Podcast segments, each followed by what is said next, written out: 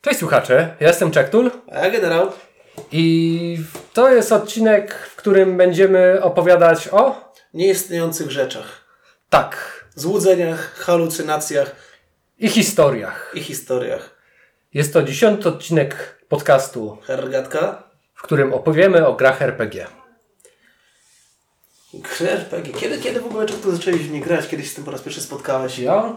Po, końcówka szkoły podstawowej, początek gimnazjum. Nie pamiętam dokładnie kiedy to było. Wydaje mi się, że jeszcze w gimnazjum nie byłem, bo pamiętam jak kupowaliśmy kości do gier RPG.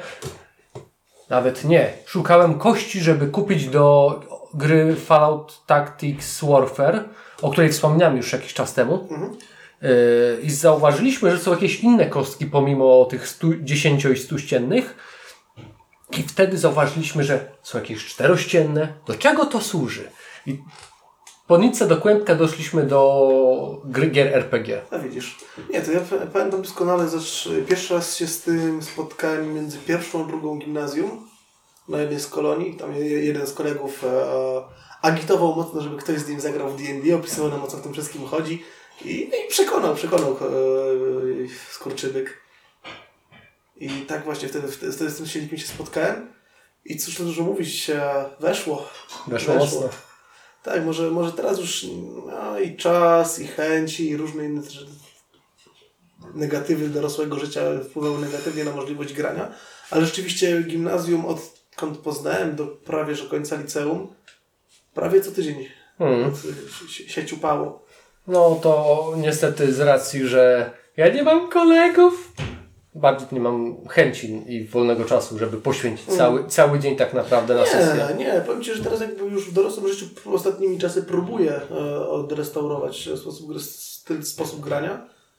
E, trzy godziny, na przykład często spotykaliśmy się w środę po pracy. Hmm. Czyli, nie wiem, powiedzmy robotę kończymy o 5, to o 6 się gdzieś spotykało do 21. Może okej, było to mało, znacznie mniej niż, niż kiedyś się chciało, ale wystarczało jakby. Może, może inaczej, nie, nie wystarczało, ale dawało to namiastkę, Grania w gry. namiastkę grania w gry i takiego właśnie spędzenia czasu w sposób troszkę jednak bardziej kreatywny niż, niż przy Wiedźminie czy innej, innej tam gierce. Nie bardziej, no może nawet nie kreatywnej, bo a, jednak o ile rzeczywiście są mistrzowie, którzy tworzą fabuły tak świetne, że, że te dusze z Wiedźmina się chowają, to jednak no, dłużej będę tego Wiedźmina trzymał. Świat przedstawiony przez CD Projekt jest na tyle, na tyle zróżnicowany, zrobiony, że nie powiedziałbym, żeby to były gry komparatywne, że nie możesz zastąpić jednego drugim, bo każdy da ci inny rodzaj doznań. A przede wszystkim w RPG masz znacznie większe pole do popisu, że czy, czy chcesz, no nie wiem, e, staruszka mówi o patelni, to możesz znaleźć patelnię i oddać. I tylko to przewiduje Wiedźmin 3. Ale to, że możesz wejść e, z tą patelnią do jej chaty, za- zatłuc ją tą tą patelnią i spalić jej zwłoki na tych zwłokach robiąc jajecznicę. Albo udziec z tejże starej pani. Tak. Także wydaje mi się, że jednak gry, gry RPG dają troszeczkę większe pole do popisu niż... No tak, ale wiadomo, to są te opowieści, które są najwyżej w hierarchii dowolności. Niżej masz komputerowe gry RPG, gdzie masz wiele ścieżek przejścia, a jeszcze niżej masz jakieś visual novele, gdzie masz jedną ścieżkę, czy tam jakieś inne gry bardziej liniowe. No, chociaż paragrafowe pojedyn- pojedyncze, które grałem, dawały, przynajmniej te, w które ja grałem, dawały jakieś takie popisu, powiedziałbym, troszeczkę większe niż większość RPG-ów komputerowych, które miałem e, Tak, zagrać. tak, tak, tak. Gry paragrafowe. To, Znaczy, to, one to, miały ten problem, że zawsze, zawsze koniec końców szedłeś się w jedną stronę, że nie Mhm. dało się nagmerać, ale była ta satysfakcja, że mogłeś sobie podejść do, do problemu na różne sposoby, własne sposoby. Tak, tak, tak, tak, ale to dobra, no to powiedzmy gry paragrafowe byłyby między RPGami papierowymi w cudzysłowie i... No i też zależy od e, gry komputerowej i paragrafowej, bo No tak. no, jedno drugie- nierówno. Ale w całym w tym dorosłym życiu, właśnie pamiętam, że dwa lata temu, no jakoś dwa lata temu w pracy, z, e, korzystając z mediów społecznościowych wewnętrznych, firmowych, zebrałem drużynę. I to mnie bardzo zadziwiło. Był z nami jeden gość, który, e, gdy się zgadaliśmy, mówił, że ma około 20 lat doświadczenia w, w, ró- w różnorakich systemach D&D. Warhammer mówił, że od, od wczesnego gra. Zgarnę, zgarnąłem jego, zgarnął, zgarnęliśmy jeszcze jednego gościa. E, Trzecia osoba była kumplem tego, no jednego z zaproszonych i tak sobie graliśmy. Że co mnie strasznie zaskoczyło, gość mówił, że ma 20 lat doświadczenia, że, że, że, że wielki, wielki fanatyk RPGów, Wchodził na sesję i się nie odzywał, nie robił nic. O co tu chodzi? Jakby, wiadomo, gra, grał tam postacią walczącą, skupiał się na tym, że jakby jak była walka, to był bardzo przydatny dla drużyny. Momencie, kiedy nie było walki, a jako mistrz nie zawsze ją dawałem, było takim chodzącym cieniem. Wiesz, niektórzy gracze, wiesz, też jeszcze chodzi też pewnie o to, że niektórzy gracze nie potrzebują czegoś, że dużo się odzywają. Wiesz, masz takie osoby jak ja, które są w normalnym życiu, wiesz, takie gburowate, mało się odzywają, bo nie potrzebują tego. Mawia się inaczej. To się nazywa introwertyzm bodajże. Wiesz co, nie zgodzę się. Introwertyzm jest czymś innym i nie, masz, nie ma problemu, żeby introwertyk był najbardziej aktywną osobą na sesji. No, druga, to jest druga sprawa. No, ale masz takie osoby, które jednak nie potrzebują takiego odzywania się w tym momencie, bo wolą oddać pałeczkę pierwszeństwa innym, nie? No tak, tak. I właśnie b- b- z kilka razy spotkałem się z takim przykładem graczy i dopiero bardzo niedawno zostałem e, uświadomiony, że jest duży typ ludzi. Myślę, że no każdy, kto w RP grał z e, jakimiś tam większymi osobami niż powiedzmy trzy sprawdzone osoby, mógł się na kogoś takiego spotkać. To przyjdzie na sesję, nie będzie robił nic, jakby e, będzie pomagał gdzieś tam jako, jako takie delikatne wsparcie, ale gdyby sesji nie- było, gdyby postać przejął mistrz albo inny gracz jako postać wspierającą, nikt by nie zwrócił uwagi. A jednak okazuje się, że jest właśnie grupa ludzi, dla których to jest e, duża wartość, żeby móc przyjść i uczestniczyć w historii w ich odczuciu aktywnie, nawet jeżeli realnie są graczami mocno, mocno pasywnymi. No, sam bym tak pewnie robił. No, ale wiesz, no, to jest właśnie to odkrywanie historii, która tak naprawdę wszystko dzieje się na bieżąco, nie? Tak. Że wszystko to, co nawet jak teraz byśmy siedli, wyciągnęli kości, zaczęli rzucać, opowiadać historię. Dziewięć. Umarłeś. Właśnie. I to, to, że to się dzieje w tej chwili, że to jest na żywo wszystko, nie? Że w każdej chwili, nie wiem, wiesz, kość się omsknie, nie? Spadnie na ziemię, przekręci się, wypadnie jedynka, czy tam dwudziestka, zależnie od silnika, postać umiera. I koniec. Dokładnie. I to jest jak prawdziwe życie.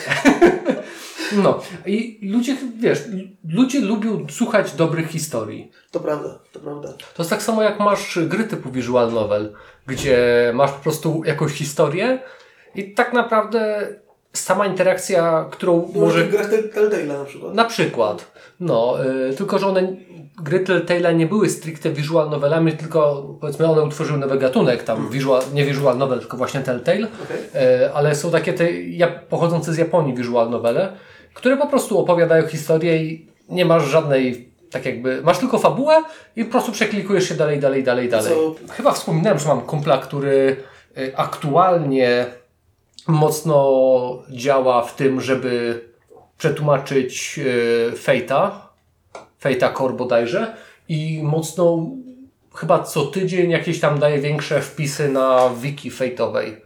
No, dodatkowo on właśnie y, ostatnio był... Słuchaj, to może to co powiedz, jeżeli wiesz, że rzecz jasna w Fate'cie, jak mam- miałem styczność z Fate Accelerated, która jest bardzo uproszczoną wersją ponoć rzeczoną do Fate'a, ale z samym, samym Fate tyle tylko Wiesz, wiem, że jest. No, ja tak samo. Wiem, że jest taki silnik, że tam samego silnika, inaczej, że sam silnik to można powiedzieć, że jest bezkostkowy. Tam są kostki chyba tylko właśnie tego przeznaczenia, te kostki Fate i coś jeszcze i Są tokeny. tokeny, jakoś tak. Tak jest, y, tylko że mogę teraz poprzekręcać, bo moja, m-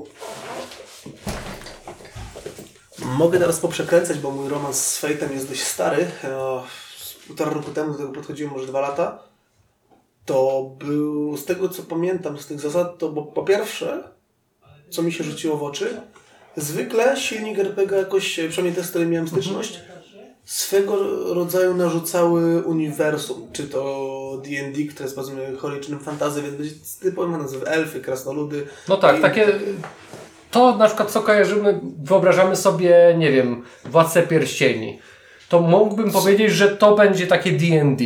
Coś takiego, coś takiego. No, są, są tam delikatne różnice, ale tak, jakbyś chciał, jakbyś, jakby ludzie chcieli odtworzyć, powiedzmy, zrobić sobie drużynę pierścienia, to D&D jest do tego w sam raz. Tak mi Bo się po właśnie pierwsze wydaje. te rasy tam są zawarte, klasy idzie dopasować. Może nie są idealne, identyczne, ale idzie dopasować. Tak, poza tym y, sam fakt tego, że bohaterowie są od razu takimi Herosami. herosami, Tak. to to właśnie to robi, że wiesz, masz takiego Aragorna, który tankuje, masz Legolasa, który wali z łuku i Gandalfa, który wali z różdżki. Ta- Ale wiesz co, e, czytałem ostatnio jakieś tam zestawienie.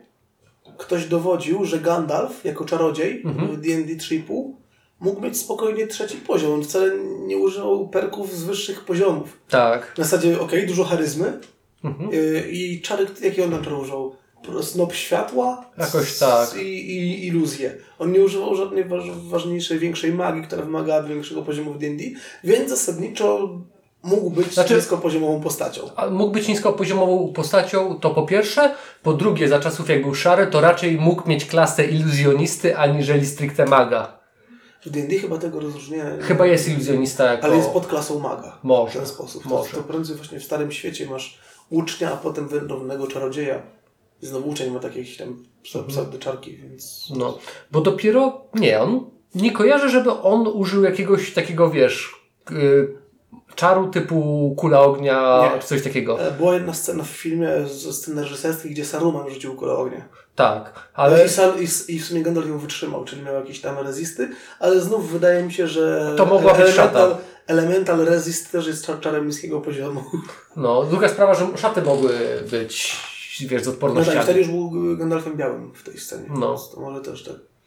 No, Tak to nie wiem. no. A tak Warhammer? A Warhammer? Warhammer, no, Warhammer narzuca bardzo, bardzo konsekwentnie świat. Zresztą fajnie to robił. Świat Warhammera, stary świat, e, przynajmniej drugi edycyjny, bo drugą edycję grałem, bardzo miło wspominam. Sam Warhammer, jakby miałem z nim problem przy wyższych poziomach.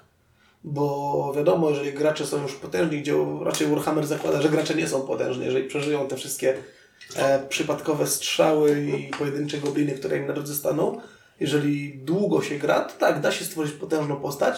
I no tam jak jest statystyka do walki wręcz, e, silnik wiadomo rzucasz kasetką, tyle ile masz statystyki, mniej musisz wyrzucić. Mhm. I dało się to zrobić odpowiednim power gamingiem, żeby na przykład st- statystykę walkę wręcz mieć na 105. Mhm. Czyli zawsze trafiasz jeszcze trochę z krytykiem. E, Znaczy krytyk działa troszkę inaczej w Warhammerze, bo on tam e, dopiero przy obrażeniach e, wchodzi, wchodzi w rachubę. Więc e, mistrz gry co mógł zrobić?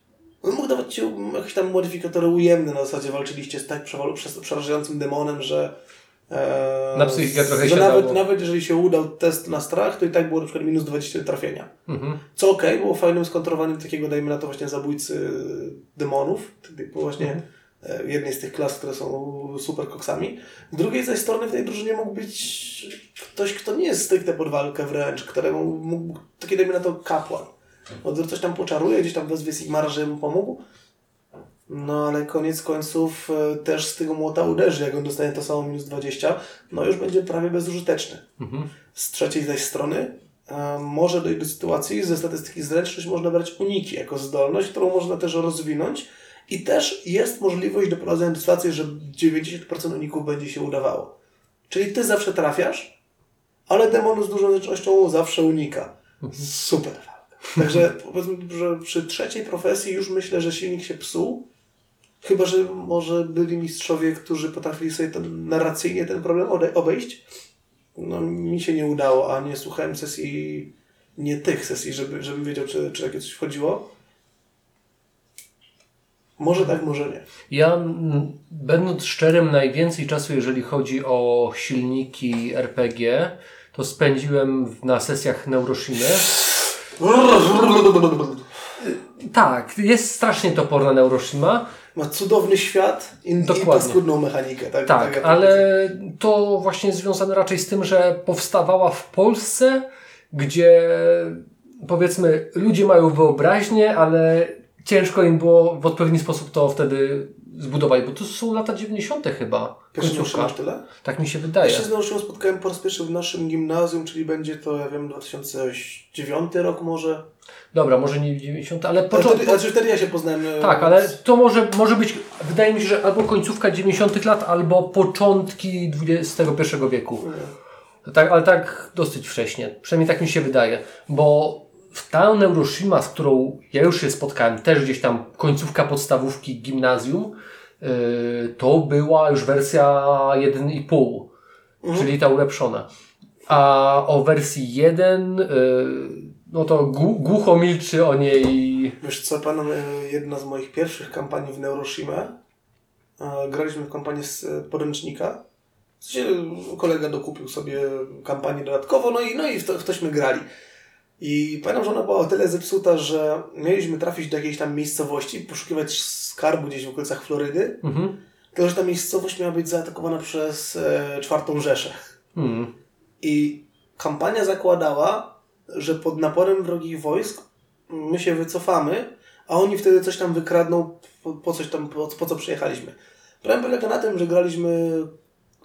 Cała drużyna była stricte od napierdalania się. No. Tak, ale tak stricte. Ja byłem, że biegałem wtedy z karabinem Minimi. e, No była najlepsza, bo wtedy, wtedy, wtedy, była tam dostępna. Ktoś tam był jakimś tym koksem od walki wręcz, no zasadniczo przyjechali naziści, zostali zniszczeni. No mistrz gry zgłupiał. Tak. Nie spodziewał się, że to się uda. Tak, samo- ale to są wiesz, kwestie takie, że y, druga sprawa, ile wtedy i gracze, i mistrz gry mieli lat, No też. też. i ile było w głowie takich trików, które mistrz gry mógł wykorzystać i gracze mogli wykorzystać. No, tych trików, które gracze wykorzystywali, to, to może inaczej. Nie znaliśmy, ale wymyśliliśmy na bieżąco. Na przykład e, to znajomy fajnie rzucił, że jego postać miała parę granatów. Powiedzmy, że trzy, bo nie pamiętam. Mhm. Rzucił pierwszy, no i za, zabił kilku. Rzucił drugi, zabił kilku. Rzucił trzeci, kolejny trochę gdzieś tam, gdzieś tam e, uciekło i reszta się schowała z jakimś nasypem. No my już granatów nie mieliśmy, to rzucił puszkę. Zwykłą puszkę z, z Mhm. konserwą, nie? Ale przekonał mistrza, że jeżeli, jeżeli wrogowie wiedzą, że byli pod, cały czas pod wpływem granatów, to, to to, co kolejne w nich leci, też raczej jest granatem, więc wybiegli ze swojego schronu i wtedy tak, tak, tak, tak, tak, tak. No Tak, ale problem z Neuroshima właśnie inaczej.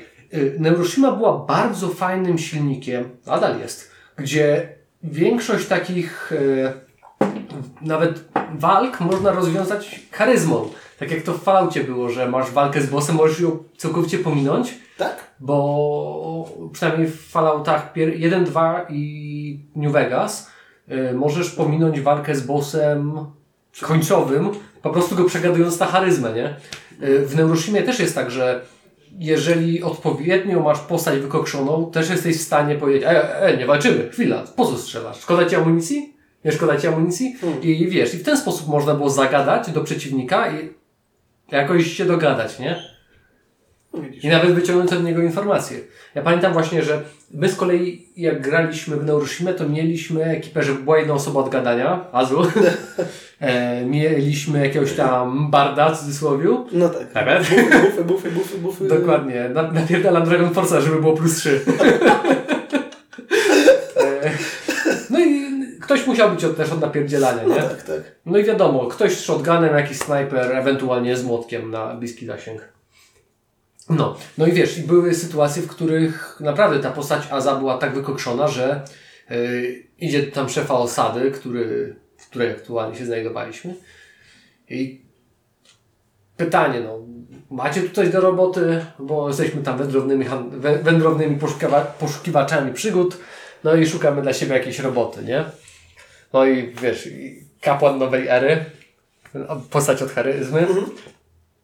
Wiesz, mamy też taki artefakt. Wyciągnął jajo z bitymi dwoma piórami. To jest magiczne jajo zabrane w Iwernie. I wiesz, y, tam są poziomy trudności na rzuty, nie? I to było chyba arcymistrzowski czy mistrzowski. Minus 30? Jakoś tak, rzut, je, udało się z krytykiem.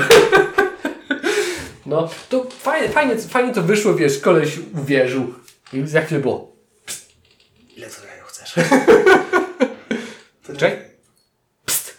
Ile za to jajo chcesz? Wiesz, i, i udało się uhandlować jeszcze No tak. coś za zwykłe jajo. I najlepsze jest to, że to jajo pochodziło z kury, którą on sobie wziął na samym początku kampanii.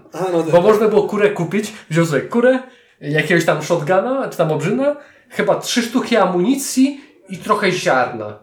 I Da, da, da, dał radę, nie? To powiem, że kiedyś, kiedyś um, miałem kampanię w... To było też D&D chyba jeszcze 3,5, Mhm. z tym, że przerobione na silnik Warcrafta. Mhm. Mhm. Cały, cały poziom pod właśnie, właśnie World of Warcraft. a wszystkie klasy przełożone, wszystkie rasy przełożone na, na, na mechanikę D&D. E, Tam pamiętam, że grałem goblinem, goblinem kupcem. Mhm. To też e, nie znając się za bardzo na inżynierii, tylko na tyle, żeby połączyć dwa patyki, żeby strzelały, takie powiedzmy jakieś tam minimum, dałem radę przekabacić już, nie pamiętam. Pamiętam, że zrobiłem wtedy tak wielki słowotok, że sam mistrz gry mi po grze powiedział, że on już w pewnym momencie przestał rozumieć, o czym mówię. E, tym bardziej postać e, tam dowódcy gwardii orków, z, którym, z którym pertraktowałem. I te, wtedy się udało opchnąć im całą masę tego szmelcu, który produkowałem jako broń do, do walki e, w trudnych warunkach z krasnoludami czy z czymś tam. To, to coś takiego jakby da- dało się coś, też, też bardzo lubię, kiedy mistrzowie e, w- doceniają wkład gracza, to znaczy nie tylko przekonuje go, żeby y, kupił naszą broń turlu, turlu, turlu 20. No, No. dobra, przekonanie, nie, to, to nie jest fajne, ale kiedy rzeczywiście włożysz od siebie, wypleciesz te słowa z tych słów, z, pęczych nitek, koncepcji, zrobisz dywan, który będziesz mógł przedstawić albo rzucić komuś na głowę, wtedy jest o wiele, wydaje mi się, ciekawiej. Tak, wiesz co, właśnie dla mnie najcenniejsze są te sesje, gdzie nawet nie ma rzucania kostkami, tylko jest po prostu dyskusja. I wszystko, nie, da- wiesz, kwestia taka, że dobra, są rzuty, które muszą być, czyli na przykład, nie wiem, e, że jest walka, no to muszą być tam rzuty jakieś na atak, na obronę, na jakieś uniki, ale jeżeli ale w sytuacji, kiedy mamy e, właśnie jakąś dyskusję na temat, nie wiem, czysto jak, jak coś zrobić, na przykład, nie wiem, ktoś w prawdziwym świecie zna się na kowalstwie, że wie na przykład w jaki sposób uderzać metal tak, żeby właśnie wzmocnić go podczas tego aktu kowalskiego, nie? Jak tworzyć tak zwaną stalę masceńską, nie? No tak. Ko kojarzy, kojarzysz tą E, sztukę. No, znaczy dalej jest nieodkryta z tego, co mi wiadomo. No. Że są zawody. Dwa lub trzy lata temu AGH na pewno e, w swoim talżugu wystawiły, mieli strasznie wysoki wynik. Byli albo pierwsi, albo na podium. Jako stworzenie najlepszej Repliki. repliki. Na zasadzie No. to dalej nie jest to, No tak, ale... ale, ale bardzo blisko. No, ale są, są ludzie, którzy, wiesz, robią w jakiś sposób coś podobnego, nie? Mhm. E, I użycie tej wiedzy w sesji RPG, no to po co tu rzucać, skoro on wie o tym, nie? Wiesz co, Ale czasami, znaczy, wiesz co, powiedziałbym, że czasami rzucić trzeba, bo czysto hipotetycznie to jest właśnie ten problem rozróżnienia, e, co wie gracz, a co wie postać. no tak. I kiedy na przykład gracz wie, niech będzie skupmy się tej stali, gracz rzeczywiście no, jest kowalem, umie, umie coś Mhm. tam sobie wykuć, ale jego postać to jakiś, nie wiem, el- elf, łucznik, który... Cały, No tak, No, no tu- wtedy, wtedy rzeczywiście mm, jako mistrz, mimo że jest to wykazywanie się, powinien no, troszkę utemperować e, gracza, który Tak, chce... chce Ale jeżeli, wiesz, powiedzmy ta wiedza pasuje do danej klasy, postaci, którą się odgrywa, no to według mnie Nie, to ja- ja nie nie- ma co rzucać. Powiem więcej, ja pamiętam jeszcze z czasu, teraz właśnie, teraz siebie widzę yy, lenistwo bierze górę Mhm. i już, już mi się tak nie chce o tym wszystkim myśleć, ale właśnie w gimnazjum przede wszystkim my siedzieliśmy i czytaliśmy dużo o, o tym, co postać może umieć, e, żeby, nie wiem, na przykład grając bardem, opi opisać swój koncert, nie tylko, że gram wesoło, wesoło, smutno, wesoło, tylko w, wpleść jakieś słowa związane z No, z tym, co się z- dzieje, nie? z muzyką jako nauką, żeby po- po- podrasować pewien występ, że w tym momencie zrobię jakieś crescendo, a potem zrobię coś tam innego, no teraz już nie pamiętam tego niestety, ale, ale właśnie jakby moczy tego, że cię chętniej szukało. Tak. No i, widzisz, i to jest fajne. Ja pamiętam, że dawno, dawno temu, nie wiem, czy kojarzysz Ramroida? Tak, kojarzę? No, to Ramroid, ja, Jazu i tak dalej. Ta, ta, ta cała ekipa. Graliśmy właśnie na RPG-u przeglądarkowym, którego silnik nie istniał. Całość była po prostu inaczej. Postaci miały tam jakieś swoje statystyki i tak dalej, ale nie było rzutów kostkami. Mhm. To po co No były bo- statystyki? Do jakiego, inaczej. Statystyki były potrzebne po to, żeby w jakiś sposób pokazać, w czym dana postać jest dobra. Okej. Że wiesz, że jeżeli masz postać, tak jak ja grałem, Heavy Gunnera, y, bo to był powiedzmy RPG, PBF, można powiedzieć, Play by Forum, takie gry istniały. Chyba dalej istnieją. Zdarzają się. No. y, o, I to było w świecie Megamena Zero. Okej. Yy, I tam powiedzmy klasa Heavy Gunnera, no to powiedzmy całość była stworzona mniej więcej na podstawie tej gry e, Megaman. Megaman, No. tak? E, tylko, że no niektóre rzeczy zostały tak wplecione, żeby też jakoś pasowało, że wiesz, miałeś tam jakiegoś skrytobójcę, heavy gunner, no to wiadomo, Mhm. rakietnice, minigany, tego typu rzeczy.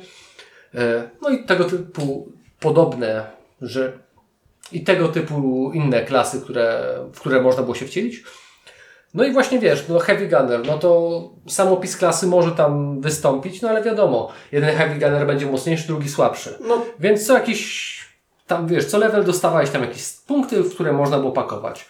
No i na przykład w sytuacji, kiedy jest jakiś powiedzmy boss, no to też tam jakieś staty miał, no i wiesz, w, przy, w przypadku cudzysłowiu, w cudzysłowiu w przypadku e, tak zwanego siłowania się na rękę, no to wiadomo, wygra ten, który jest mocniejszy. Mhm. No bo to nie jest coś, w co możesz jakoś opanować specjalną technikę, że muskulaturę specjalnie czy ja wiem, wydaje mi się, że to jest coś, co można ćwiczyć, że nawet nie będąc zbytnio silnym, jeżeli nie wiem, e, umiesz ułożyć rękę chociażby. Wydaje mi się, że coś takiego może być. Albo też nawet sam element długości ręki. No, Są racja. statystyki nie, nie będą będą- jakby nie, nie, nie chciałbym grać w silnik, który zwraca uwagę na coś takiego jak długość od łokcia do nadgarstka. No nie, no ale wiesz, no statystyka siły tutaj odpowiadała temu, że jak bierzesz się z kimś za bary, no to ten, który ma większą statystykę, ten Raczej, wygra. raczej wygra. No, tak. No, więc raczej po to to było, niż po to, żeby robić jakieś rzuty kośćmi i tak dalej. Okej. Zwłaszcza, że e, w A- sytuacji, no, Jak wyglądało sa- sama kwestia narracyjna? W sensie nie miałem w ogóle styczności z PBF-ami.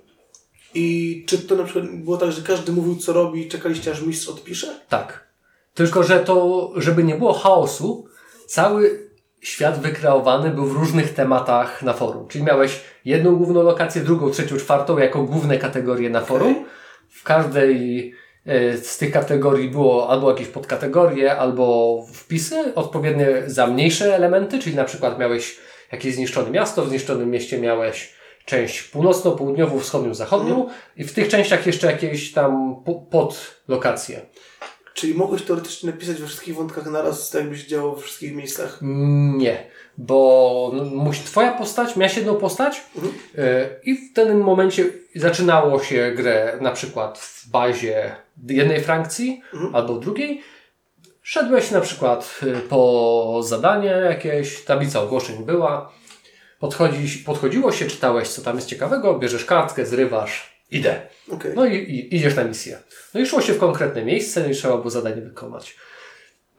Ciekaw, no. Cały czas nie mogę tego e, opanować umysłem. Jak, jak to wyglądało ze strony mistrza gry? Czy było wielu moderatorów? Każdy Było, było kilku mistrzów gry, kilku moderatorów, którzy mogli odpisywać graczom. Aha. I powiedzmy w sytuacji, kiedy na przykład y, ja miałem, była powiedzmy moja postać miała swoją historię, no to mistrz gry odpisy, to, powiedzmy jeden mistrz gry raczej mnie prowadził przez całą, Okej. cały czas tego. Y, Były sytuacje, kiedy powiedzmy mistrzom gry odwalały jakieś dzikie akcje. Było mega hentajowate miejsce, które się nazywało, nazywało Mieszkanie Sary. I to było miejsce, gdzie Mieszkała mistrzo- Sara. Tak, mieszkała Sara, Ośmiornica która była Sara. nie, ośmiornica była obok. Sara to była jedna z postaci mistrza gry, która w pewnym momencie dostała od postaci Aza taki łomot, przynajmniej z tego co pamiętam, że musiała się ukryć, bo była z... y, My byliśmy w tych złych, a oni byli w tych dobrych. I w pewnym momencie musiała się gdzieś ukryć, no i tam gdzieś na lodowej pustyni e, swoją bazę zbudowała, tak zwane mieszka mieszkanie Sary i wszystko, co było najbardziej zbereźne, tam się działo. Wszystkie Po ile mieliście lat? To jest bardzo dobre pytanie. E, nie odpowiem. E, że tak powiem, ci, co chcieli się tam bawić, to się bawili. Kiedyś zrobiliśmy rajd na to miejsce. E, no ale z racji, że to była miejscówka mistrzów gry, no to ciężko było się pr- przebić. E, ale pamiętam, że była sytuacja, jeszcze a propos właśnie tych różnych akcji związanych z mieszaniem się mistrzów gry. Jednemu z mistrzów gry odwaliło, że chce zrobić własną frakcję nową, e, gdzie będzie jakaś powiedzmy trzecia siła, która będzie ciągnęła za sznurki po cichu. Adamus. Analus, dokładnie. E, on to jakoś inaczej nazwał. To powiedzmy, nie wiem czy wszyscy kojarzą ogólnie serię Megaman. Tam powiedzmy Megaman Zero bardziej. taki bardziej postapokaliptyczna wersja całego tam uniwersum Megamena, gdzie była właśnie siłka oporu oraz jakaś tam wielka organizacja, która chciała zawładnąć światem. No i oni tam powiedzmy walczyli między sobą.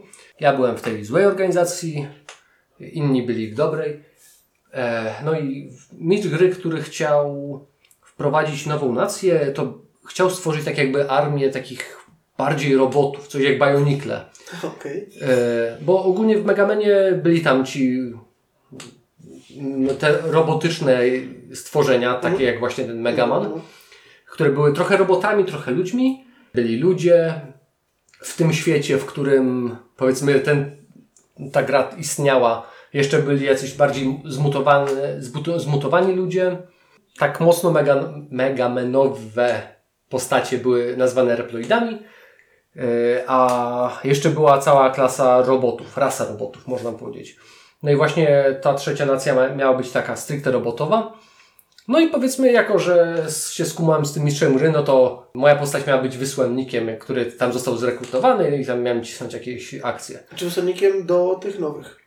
Yy, Znaczy, inaczej, ci nowi mnie zrekrutowali tak jakby, Okej. żeby powiedzmy troszeczkę w tej w cudzysłowie złej frakcji podpytać, ro, Okej. robić jakieś dziwne akcje. Dokładnie. I w, powiedzmy w sytuacji, kiedy jako, że zacząłem tam z nimi współpracować, kilka misji dla nich wykonałem, to na przykład moja postać dostawała jakieś tam dodatkowe wszczepy, które trochę Hmm. wzmacniały. I dzięki temu na przykład y, miałem jakieś dodatkowe rzeczy, których inny gracz mógł nie, Nie. posiadać. Czy, czy... No. No. Czyli kwestia balansu była kwestią narracyjną. tak? Dokładnie, dokładnie. Bo w sytuacji, kiedy toczyła się wielka bitwa, pamiętam to jak dziś, między obiema frakcjami w zniszczonym mieście, w centrum Azu, który był najmocniejszym y, graczem po stronie złej, walczył chyba z Dadą, który był najmocniejszą postacią po stronie dobrej. To jeszcze postaci dodatkowo innych graczy lały się gdzieś tam na obrzeżach. I ja razem z Pepetem dorwaliśmy Ramro, postać Ramroida. Nie pamiętam jak już dokładnie to było, ale został przygwożdżony do ziemi. Y, My też dostaliśmy tam, nie wiem czy jakimś y, wybuch był, że przewrócił nas na ziemię. E, No i mistrz gry mówi, na, napisał, że moja postać stała jako pierwsza. Co mógł zrobić mały Jakub, mały, młody Jakub, widząc taką okazję? Strzelam. Strzelaj. No strzelam. Nie. Nie? Podbiegłem szybko do postaci Ramroida, kucnąłem i nasrałem mu na klatę.